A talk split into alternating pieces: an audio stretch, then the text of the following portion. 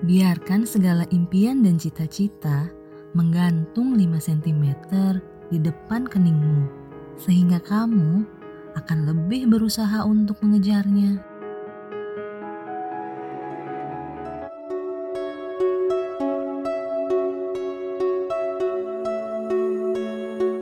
Buku 5 cm karangan Doni Dirgantoro seketika muncul dalam kehidupan saya. Sang penulis luar biasa dalam mendeskripsikan setiap keindahan selama perjalanan pendakian Semeru. Karena setelah selesai membaca, saya yang bahkan belum pernah mendaki jadi tertarik melihat keindahan Semeru. Tapi saya baru bisa mewujudkan keinginan mendaki Semeru lima tahun setelah buku 5 cm datang di kehidupan saya. Perjalanan menuju Semeru dimulai malam hari dari titik awal pertemuan dengan rombongan lainnya.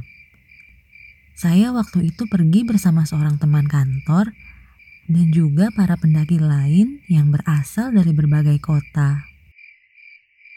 Karena jumlah rombongan kami yang cukup banyak, kami terpaksa melanjutkan perjalanan menuju desa Ranupani menggunakan truk.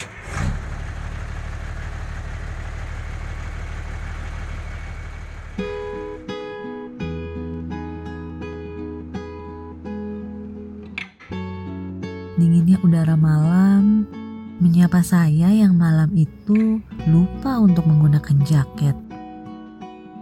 Saya nggak nyangka kalau udaranya akan sedingin itu. Lalu saya mengadahkan kepala ke langit. Saya terdiam beberapa saat. Pemandangan di langit benar-benar membuat hati saya tertegun. Ribuan bintang terhampar memenuhi langit pada malam itu. Baru kali itu, saya melihat jumlah bintang di langit sebegitu banyaknya. Berkelap-kelip menyambut kedatangan para pendaki.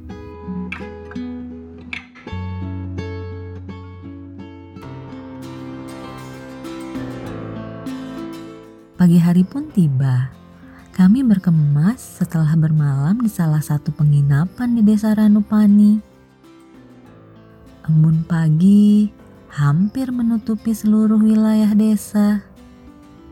Mandi, jangan ditanya. Sudah pasti jawabannya tidak. Siapa juga yang berani mandi pagi di salah satu desa tertinggi di Indonesia? Ranupani berada di ketinggian 2100 mdpl atau 2100 meter di atas permukaan laut. Masih yakin mau mandi pagi-pagi?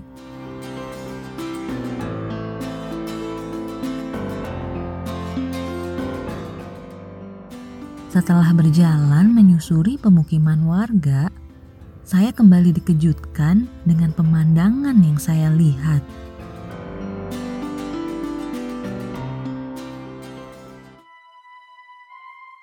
Danau Ranupani.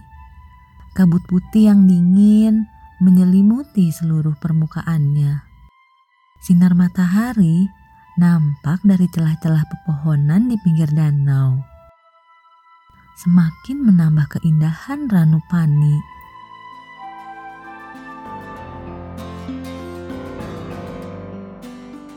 Akhirnya, saya menapakkan kaki di jalur pendakian Semeru. Walaupun nafas sedikit terengah-engah karena berjalan sambil membawa beban carrier di punggung, saya, si pendaki pemula, sangat menikmati setiap momen selama pendakian.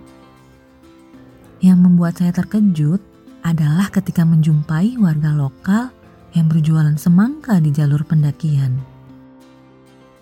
Gak kebayang seberapa berat beban yang harus mereka pikul untuk bisa membawa semangka-semangka itu di jalur pendakian. Setelah sekitar 4 jam pendakian dari pos awal, saya akhirnya tiba di Ranu Kumbolo. Keinginan saya menjadi nyata. Ranu Kumbolo yang dulu indahnya hanya bisa saya nikmati dalam bentuk bacaan, berada di depan mata. Sungguh ciptaan Tuhan yang sangat luar biasa. Menyadarkan bahwa sesungguhnya saya hanyalah kecil di antara megahnya semesta yang diciptakan oleh Yang Maha Kuasa. Tapi pendakian Semeru terpaksa hanya cukup sampai di Ranukumbolo. Ketika saya dan teman-teman pendaki melakukan perjalanan, ada sebuah insiden yang membuat jalur pendakian menuju puncak Mahameru ditutup sementara. Tapi buat saya, bisa menikmati keindahan sampai di Ranukumbolo juga sudah cukup. Nanti saya wujudkan lagi keinginan saya untuk menaklukkan puncak Mahameru.